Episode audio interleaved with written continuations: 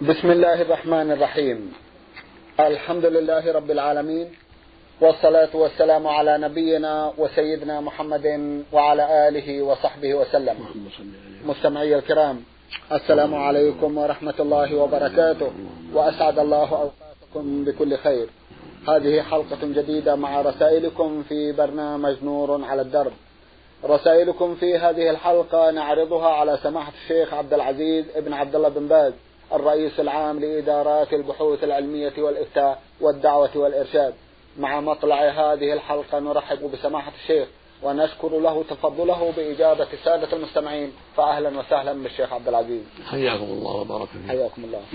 أولى رسائل هذه الحلقة رسالة وصلت إلى البرنامج من المستمع ميم كاف عين من السودان والخرطوم يقول أنا من أسرة أجداد والدي لم يكونوا مسلمين بل كانوا يعبدون الأوثان. وعلى ذلك تزوج والدي على غير كتاب الله وسنة رسوله صلى الله عليه وسلم وأنجبنا نحن. ولكن لحسن حظنا نشأنا في بيئة مسلمة ودخلت المدرسة في وسط تلاميذ وأساتذة مسلمين. ومنذ الصغر تعلمنا في المدرسة قراءة القرآن والصلاة. وإن تخلل ذلك بعض التهاون بالصلوات.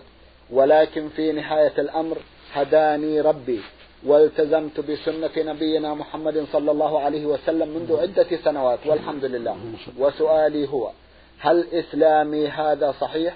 وذلك لأنني مارست بعض الطقوس والعادات على طريقة أجدادي. وكان ذلك فقط من باب حب الاستطلاع.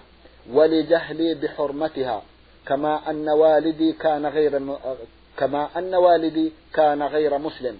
والدي الآن يصلي ويصوم وترك العادات والطقوس غير الإسلامية وذلك بدون أي مقدمات كإشهار الإسلام لأنه كان يعيش ومنذ فترة طويلة في وسط مسلم.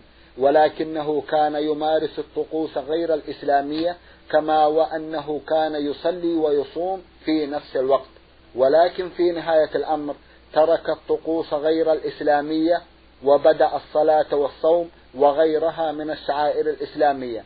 هل إسلامه صحيح بالرغم من تركه الإشهار وعدم الاغتسال الخاص بدخول الإسلام؟ ماذا على والدي بخصوص زواجه الذي كان في السابق بدون إسلام؟ وعلى غير سنة النبي صلى الله عليه وسلم. وجهوني في هذه القضايا. جزاكم الله خيرا. الحمد لله. ما دام حصلت التوبة والرجوع إلى الله والاستقامة منك ومن والدك فالحمد لله. أما الأنكحة الماضية فلا ينظر إليها لأنها على طريقتهم والكفار إذا أسلموا أقروا على أنكحتهم فلا ينبغي النظر في ذلك بل ينبغي آه، النظر في الوقت الحاضر. فإذا تاب المؤمن تاب الرجل مما عنده من طقوس مخالفة للشرع أو أعمال مخالفة للشرع كفى والحمد لله. فعليك لزوم التوبة وعلى أبيك لزوم التوبة. وما دامت الزوجة صالحة ليست أختا له ولا عمة له ولا وإنما قد يكون في بعض الطقوس عندهم خلل فالحكم في ذلك أنها, أنها تقر على ما هي عليه. كسائر أنكحة الكفار ولا ينظر فيها بعد ذلك يقرون على إسلامهم وعلى أنكحتهم. كما أقر النبي صلى الله عليه وسلم من أسلم يوم الفتح وغيره على أنكحتهم ولم يغيرها لكن لو فرضنا أنه بان له أنه تزوج أختا له من الرضاعة أو عمة له من الرضاعة أو بنت أخيه من الرضاعة فإنه يفارقها بعد إسلامه لأن المانع موجود. أما إذا كان الخلل في شيء من العقد أو لعدم الولي أو أشبه ذلك فإنهم يقرون على أنكحتهم. نعم. جزاكم الله خيرا. ماذا عن الغسل سماحة الشيخ؟ يقول إن والده عندما دخل الإسلام لم يغتسل. الغسل مستحب سنة وليس بلازم نعم. وليس بواجب. نعم. إذا ليس عليه شيء. ليس عليه شيء. بارك الله فيكم وجزاكم الله خيرا. رسالة وصلت أيضا من السودان النيل الأزرق وباعثها المستمع كمال حسن خضر. أخونا كمال يقول في ذات يوم من الأيام وفي صلاة المغرب كنا نصلي في جماعة. وبعد انتهاء الصلاة سلم الإمام.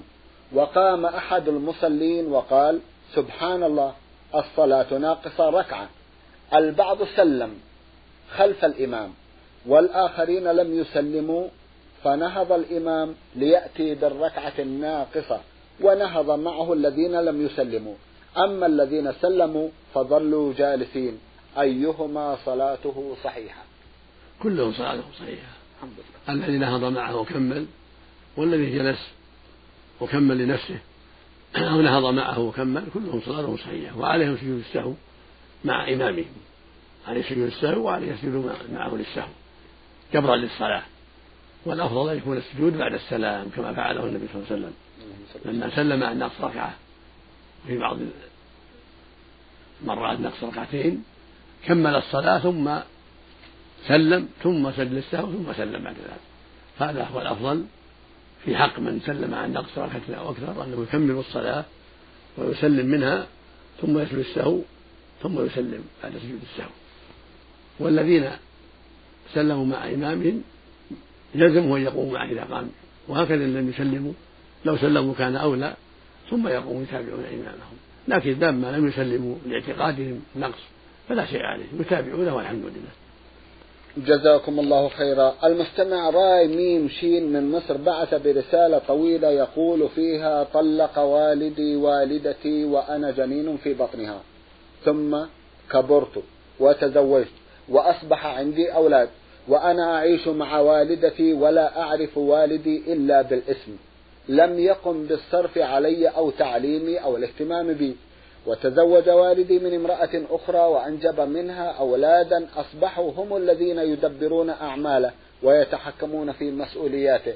ولكنه في الآونة الأخيرة يقول المستمع راي ميم شين من مصر بعث برسالة يقول فيها طلق والدي والدتي وأنا في بطنها. ثم كبرت وتزوجت وأصبح عندي أولاد. وأنا أعيش مع والدتي ولا أعرف والدي إلا بالاسم. لم يقم بالصرف علي أو تعليمي أو الاهتمام بي. وتزوج والدي من امرأة أخرى وأنجب منها أولادا. أصبحوا هم الذين يديرون أعماله ويتحكمون في مسؤولياته. ولكن في الآونة الأخيرة أصبح والدي يشتكيني لكل شخص في المدينة بأنني عاق وبأنني أعمل في الخارج ولا أبعث له نقود مع أنه غني. وسؤالي يا سماحة الشيخ هل لي الحق في أن أرسل له أي مبلغ من الآن وسؤالي هو هل له الحق في أن أرسل له أي مبلغ من المال والأمر بالصورة التي ذكرتها؟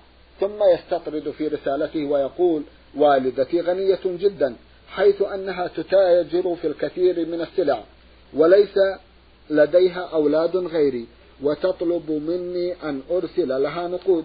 مع أن حالتي المالية لا تسمح بذلك حيث أن راتبي متواضع ومسؤوليات الزوجة والأولاد كثيرة. هل يجب علي مع هذا أن أرسل لها نقود أم لا؟ وإذا رفضت هل يدخل هذا في باب العقوق؟ جزاكم الله خيرا. الواجب عليك يا أخي الحرص على بر والدك ووالدتك. ولو كان أبوك قصر في حقك فالواجب عليك أن تحرص على بره والإحسان إليه بالمكاتبة والكلام الطيب والزيارة إذا تيسرت والأخذ بخاطره حتى لا يقع, لا يقع بينكما عقوق. أما هو فالواجب عليه أن يعدل بينك وبين أولاده الآخرين لأن الرسول عليه السلام قال اتقوا الله واعدلوا بين أولادكم فإذا أعطاهم أعطاك وساوى بينك وبينهم. غير النفقة التي ينفق عليهم النفقة العادية إذا أعطاهم أشياء من أراضي أو سيارات أو شيء أو غير ذلك عليه أن يعدل بينكم. وأنت عليك أن تراعي خاطره بالكلام الطيب والأسلوب الحسن والزيارة إذا أمكن حتى لا يقع بينكم العقوق. أما أن أن تعطيه من المال أو تعطي والد من المال وأنت راتبك قليل ولا يكفي وحده أن يكفيك وأسرتك وهم وهما بخير الوالد بخير والوالدة بخير فلا يلزمك. لا يلزم أن ترسل إليهما مالا ولكن تعتذر إليهما بالكلام الطيب والأسلوب الحسن وتقول لأبيك إن راتبي قليل وأن مسؤولياتي كثيرة وأنه لا يحصل لي ما يحصل عندي فضل حتى أرسل إليك وأنت بحمد الله في خير. وهكذا تقول الوالدة أنت بحمد الله في خير وأن راتبي كذا وكذا وأرجو مسامحتي فتأخذ خاطرهما بالكلام الطيب ولا يلزمك أن ترسل لهما مالا. وهما غنيان وأنت في حاجة إلى المال لا يلزمك لكن عالج الموضوع بالأسلوب الحسن والكلام الطيب والمكاتبة الحسنة حتى تكسب رضاهما وفقك الله ويسر أمرك. آمين جزاكم الله خيرا. عن الزيارة في الواقع يسأل سماحة الشيخ ويقول أنا أقيم بالعراق منذ حوالي سنتين ويمكن أن تمر السنة كاملة دون أن أسافر إلى أهلي بحكم ظروف العمل، هل يلحقني اسم؟ ينبغي لك أن تحرص على الزيارة ولكن لا يلزمك، إذا كانت زوجة عندك الحمد لله. أما الزوجة فلا بد تكون عندك. تنقلها إليك أو تزورها بين وقت وآخر في ستة أشهر أو أقل لأن الوقت خطير والمجتمع الآن فيه فيه شر كثير فالواجب عليك أن تتحرى ما يسبب حفظ زوجتك وسلامة عرضها بأن تنقلها إليك أو تسافر إليها بين وقت وآخر ليس بطويل لعفتها ومراعاة أحوالها وشؤونها والإحسان إليها إلى غير ذلك. أما الوالدان والأقارب فيكفي مكاتبة وكلام الطيب أو الكلام بالهاتف وإذا تيسرت الزيارة فهذا أكمل وأحسن. نعم. جزاكم الله خيرا. المستمع عطية عبد العزيز عبد الله بعث يسأل عن حكم قراءة الفاتحة بالنسبة للمأموم حيث يقول إنه سمع حديثا عن رسول الله صلى الله عليه وسلم يقول لا صلاة إلا بفاتحة الكتاب فعند انتهاء الإمام من قراءة الفاتحة في الصلاة الجهرية هل نقرأ الفاتحة؟ وهل إذا قرأنا الفاتحة وبدأ في السورة هل نكمل قراءة الفاتحة أم كيف نتصرف؟ جزاكم الله خيرا. عليك أن تقرأ الفاتحة وتجتهد لأن الصحيح أنها تجب على المأموم وإذا شرع في القراءة تكمل ولو شرع ثم توصف بقراءة إمامك وفي وفي السرية تقرأ الفاتحة وما تيسر معها. لقول النبي صلى الله عليه وسلم لعلكم تقرؤون خلف الإمام قلنا نعم. قال لا تفعلوا إلا بفتحة الكتاب. فإنه لا صلاة لمن لم يقرأ بها. فتجمع بين الأمرين تنصت لقراءة إمامك وتقرأ الفاتحة ولو كان يقرأ إذا كان لم يسكت سكوتا يكفي. نعم. جزاكم الله خيرا. أحد الإخوة المستمعين من المملكة الأردنية الهاشمية ممن يسأل عن السنة القبلية لصلاة الجمعة. هل لها سنة أو لا؟ تقدم, تقدم. أنه لا سنة لها. أيوة. قبلية. ولكن يصلي ما كتب الله له. يصلي ركعتين أو تسليمتين أو ثلاث تسليمات إلى ركعتين ركعتين حسب ما يسر الله له إذا وصل إلى المسجد يصلي ما قدر الله له كما قال النبي صلى الله عليه وسلم ثم يجلس ينتظر خروج الإمام وسماع الخطبة والصلاة. فالحاصل أنه ليس لها سنة راتبة قبلية ولكن يصلي ما يسر الله له. وإذا صلى ركعتين تحية المسجد كفى. وإذا صلى معهما ركعات أخرى كان أفضل وأكمل لأنه يوم عظيم. ويوم فاضل ويوم عيد فإذا صلى قبلها ركعات يسلم من كل ثنتين كان ذلك أفضل. ثم يجلس ينتظر مسبحا ومهللا أو قارئا أو مستغفرا أو ساكتا. نعم. جزاكم الله خيرا. من الجماهيرية ومن مدينة المرج المستمع ح ح ح عين. بعث برسالة ضمنها تسعة أسئلة. في أحد أسئلته يقول لا تقوموا كما تقوم الأعاجم. هل هذا الحديث ينطبق على الطلبة في المدرسة عند دخول المدرس أم لا؟ النبي صلى الله عليه وسلم لما كان أصابه بعض الأثر بسقوط فرس صلى جالسا وجهش شقه. إذا أصابه شيء في شقه عليه الصلاة والسلام شق عليه معه القيام فصلى جالسا. فلما وقف الصحابة يصلون خلفه قياما أمرهم بالجلوس. وقال لا تقوموا علي كما تفعل الأعاجم بملوكها أما الطلبة فلا يجوز لهم الوقوف على رؤوس المدرسين تعظيما.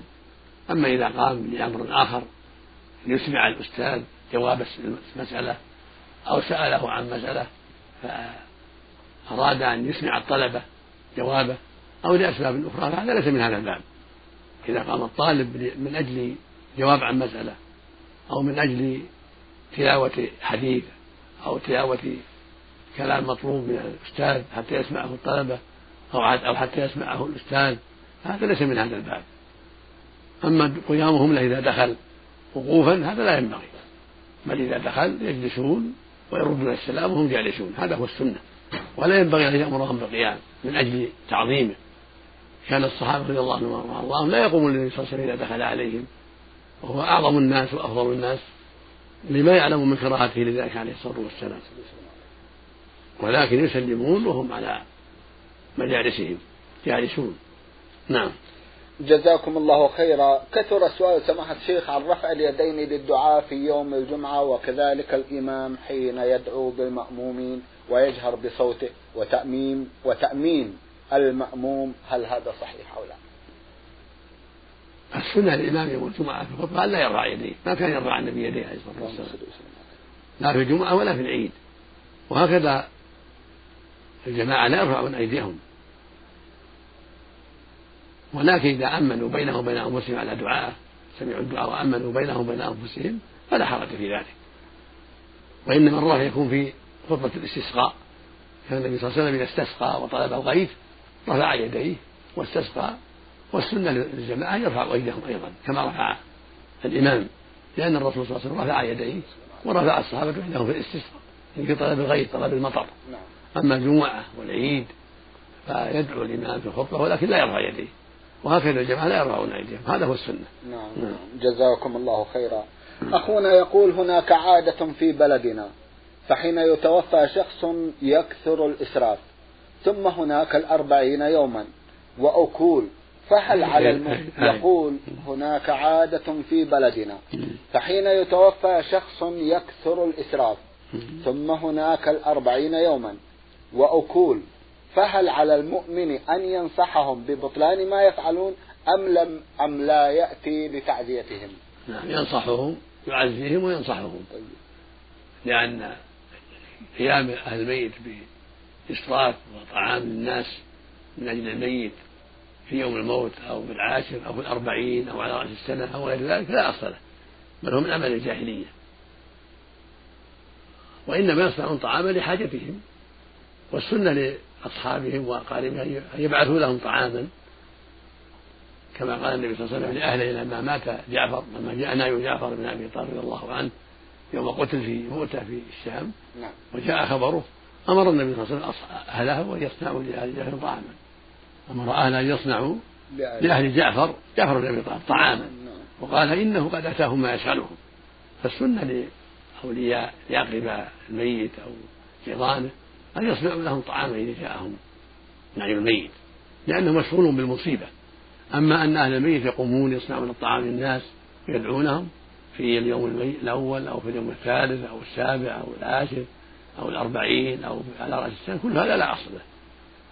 لكن إذا صنعوا لأنفسهم طعاما وجاءهم ضيف وشاركهم أو صنعوا للضيف طعاما بغير قصد إقامة البيت لكن لما نزل بهم الضيف فإن الضيف يجب إكرامه. فإذا صنعوا له طعاما لا بأس. لا, من أجل الميت بل من أجل الضيافة نعم. جزاكم الله خيرا. هل يجوز أن يعزي المؤمن في شخص لا يصلي؟ هذا محل نظر. التعزية في الكافر. ذكر أهل العلم أنه لا بأس يقول أحسن الله عزاءكم أو جبر الله مصيبتكم أو نحو ذلك. ولا يدعى له. الميت لا يدعى له. لا يقال غفر الله ميتكم ولكن إذا دعا لهم بحسن العزاء وحثهم على الصبر وأن الرجل هذا قد أتى يعني مصيبة عظيمة فلا ينبغي الحزن عليه ولا ينبغي التكدر من موته. لأنه ليس أهلا لذلك بسبب كفره أو بسبب تركه الصلاة التي تركها كفر عند عند على الصحيح من قول العلماء. نعم. ولو كان ما جحد الوجوب فإن العلماء اختلفوا في من تركها تكاسلا هل يكفر أم لا؟ والأرجح أنه يكفر والعياذ بالله إذا تركها تكاسلا. أما إذا تركها جحدا للوجوب كفر إجماعا نسأل الله العافية. ومثل هذا لا يدعى له. ولكن إذا دعا لهم هم قال أحسن الله عزاءكم أو جبر مصيبتكم أو عوضكم الله خيرا منها أو ما أشبه ذلك فلا بأس بذلك. ولكن ينبغي له أن يطمئنهم أن مثل هذا ليس كفءا للحزن عليه وليس أهلا للحزن عليه لما هو عليه من الباطل والكفر. نسأل الله العافية. نعم. فينصحهم نعم. ويدعو لهم بالدعوة المناسبة نعم. جزاكم الله خيرا. في حديث الرسول صلى الله عليه وسلم آية المنافق ثلاث إذا حدث كذب وإذا عاهد أخلف وإذا خاصم فجر. هل تتفضلون بتوضيح هذا الحديث؟ وخصوصا إذا خاصم فجر فهل يعني الرسول صلى الله عليه وسلم سرعة الغضب أم ماذا يعني؟ الرسول صلى الله عليه وسلم أخبر عن المنافقين بخصال ليحذرنا منها حتى نبتعد عنها. يقول صلى الله عليه وسلم آية المنافق ثلاث إذا حدث كذب وإذا وعد أخلف وإذا أتمنى خان يحذرنا من خلاف الوعد ومن الكذب في الحديث والأخبار ومن الخيانة في الأمانة وأنها من خصال أهل النفاق نعوذ بالله. فيجب الحذر منها. ويقول صلى الله عليه وسلم أربع من كن فيه كان منافقا خالصا. ومن كانت في خصلة منهن كان في خصلة من النفاق حتى يدعها. إذا حدث كذب وإذا وعد أخلف وإذا خاصم فجر وإذا عاهد غدر. رواه الشيخان من حديث عبد الله بن عمر رضي الله عنهما. فهذا يدل على أن المنافق من خصاله خلاف الوعد والكذب في الحديث والخيانة في الأمانة وأنه إذا خاصم فجر وجور التوسع في المعصية والكذب. وإذا عاهد غدر إذا عاهد إخوانه أو عاهد الكفار غدر بهم ولم يوفي بالعهد لضعف إيمانه أو عدم إيمانه. وإذا خاصم كذب في خصومته وتوسع في الكذب والفجور وظلم لعدم إيمانه أو لضعف إيمانه. فالفجور هو التوسع في المعصية وإظهارها. نسأل الله كانفجار الماء نعم. فالحاصل أنه يتوسع في الكذب والعدوان على الخصم واللدد في الخصومة لضعف إيمانه أو عدم إيمانه نعوذ بالله هكذا شأن المنافقين لعدم إيمانهم. وله صفات بينها الله في القرآن. غير هذه الصفات. قال تعالى إن المنافقين يخادعون الله وهو خادعهم وإذا قاموا إلى الصلاة قاموا كسالى يراؤون الناس ولا يذكرون الله إلا قليلا مذبذبين بين ذلك. لا إلى هؤلاء ولا إلى هؤلاء. هذه من صفاتهم. الخداع والمكر والعدوان على الناس ومن خلال صالهم التكاسل عن الصلاة والتثاقل عنها وقلة الذكر. يعني يغلب عليهم الغفلة. ومن خصالهم الرياء في أعمالهم صلوا رياء صدقوا رياء يذكرون الله رياء.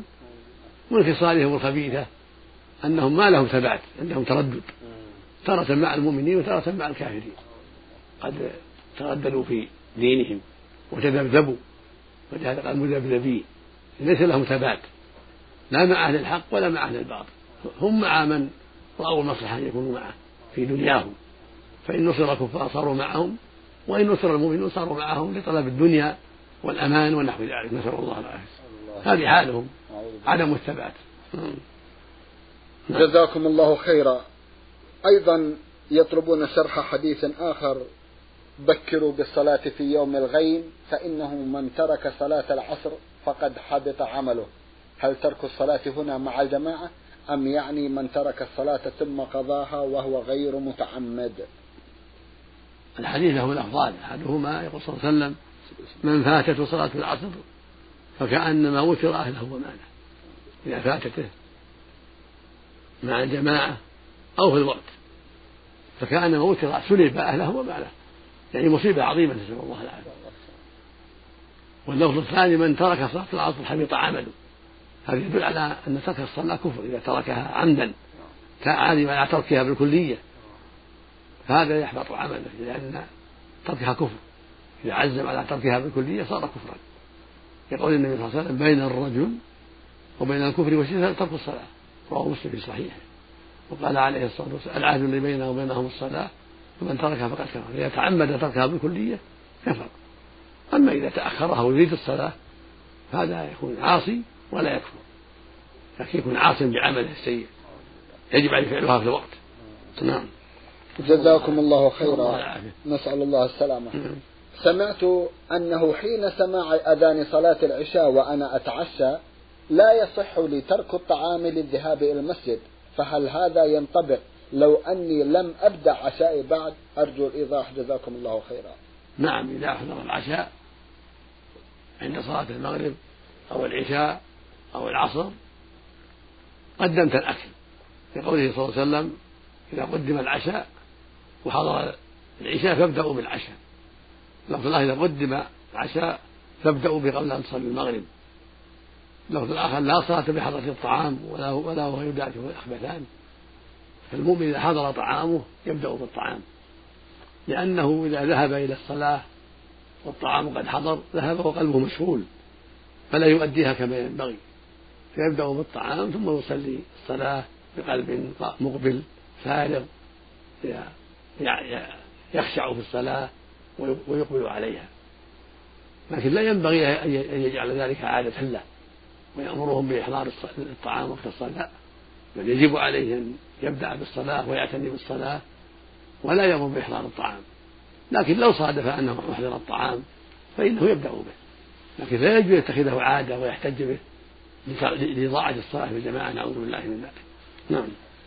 جزاكم الله خيرا. كم مرة كلم الله موسى؟ وهل كلمه في نفس المكان الذي كلمه به أول مرة إن كان كلمه مرة أخرى؟ الله أعلم. الله قال وكلم الله موسى تكليما. أما عدد الكلمات فالله أعلم. لم يبلغني في هذا عدد. نعم. جزاكم الله خيرا. رسالة وصلت إلى البرنامج من اليمن الجنوبي وباعثها المستمع إياد محمد سالم عبد الله أحد أسئلته يقول هل يجوز الصلاة جماعة؟ بإمام بدون عمامة وهل العمامة من السنة في الصلاة؟ يجوز أن يصلي الإمام بدون عمامة ليست شرا في الصلاة ولا سنة في الصلاة. لكن الأفضل أن يصلي الإنسان بالزينة المعتادة أيوة. لأن الله قال يا بني آدم خذوا زينتكم عند كل مسجد أي عند كل صلاة. فإذا صلى بعادته المعتادة فهو أحسن وأولى. لأنه إذا تركها قد يستنكر ذلك قد يقدح في عقله أو في اتزانه أو في أخلاقه. الحاصل أنه إذا كان من عادة أهل بلده أنهم يصلون في العمامة لا يدعوا العمامة. يصلي في العمامة حتى لا يظن به السوء وحتى لا يقدح فيه أنه متساهل أو أنه لا يبالي بالزي المناسب أو ما أشبه ذلك. وإلا فليست شرطا. النبي صلى الله عليه وسلم قال لا يصلي أحد لا يصلي أحد في الواحد ليس على عاتقه منه شيء. ولم يقل ليس على عات على رأسه. فقال ليس على عاتقه منه شيء. فالمشروع أن يصلي في إزار ورداء. أما الرأس لو صلى وهو مكشوف فلا بأس. فالسنة يصلي في قميص أو في إزار ورداء. وإذا كان معاه في بلد أن الرأس عليه عمامة أو وترة أو شيء أو طاقية أو قلنسوة فيصلي كما كانوا يصلون حتى لا يظن به خلاف ما ينبغي. ولو تركها لأنهم يتركونها ولا يحصل بذلك بأس فلا الحرج. ولو تركها عمدا فصلاته صحيحة لكنه ينصح بأن يفعلها حتى لا يظن به خلاف الأولى. جزاكم الله خيرا. سنعود إلى بقية أسئلتك يا أخي إياد محمد سالم عبد الله من اليمن الجنوبي في حلقة قادمة إن شاء الله تعالى. سماحة الشيخ في الختام أتوجه لكم بالشكر الجزيل. بعد شكر الله سبحانه وتعالى. على تفضلكم بإجابة السادة المستمعين وآمل أن يتجدد اللقاء وأنتم على خير. مستمعي الكرام كان لقاؤنا في هذه الحلقة مع سماحة الشيخ عبد العزيز ابن عبد الله بن باز الرئيس العام لإدارات البحوث العلمية والإفتاء والدعوة والإرشاد. شكرا لمتابعتكم وإلى الملتقى وسلام الله عليكم ورحمته وبركاته.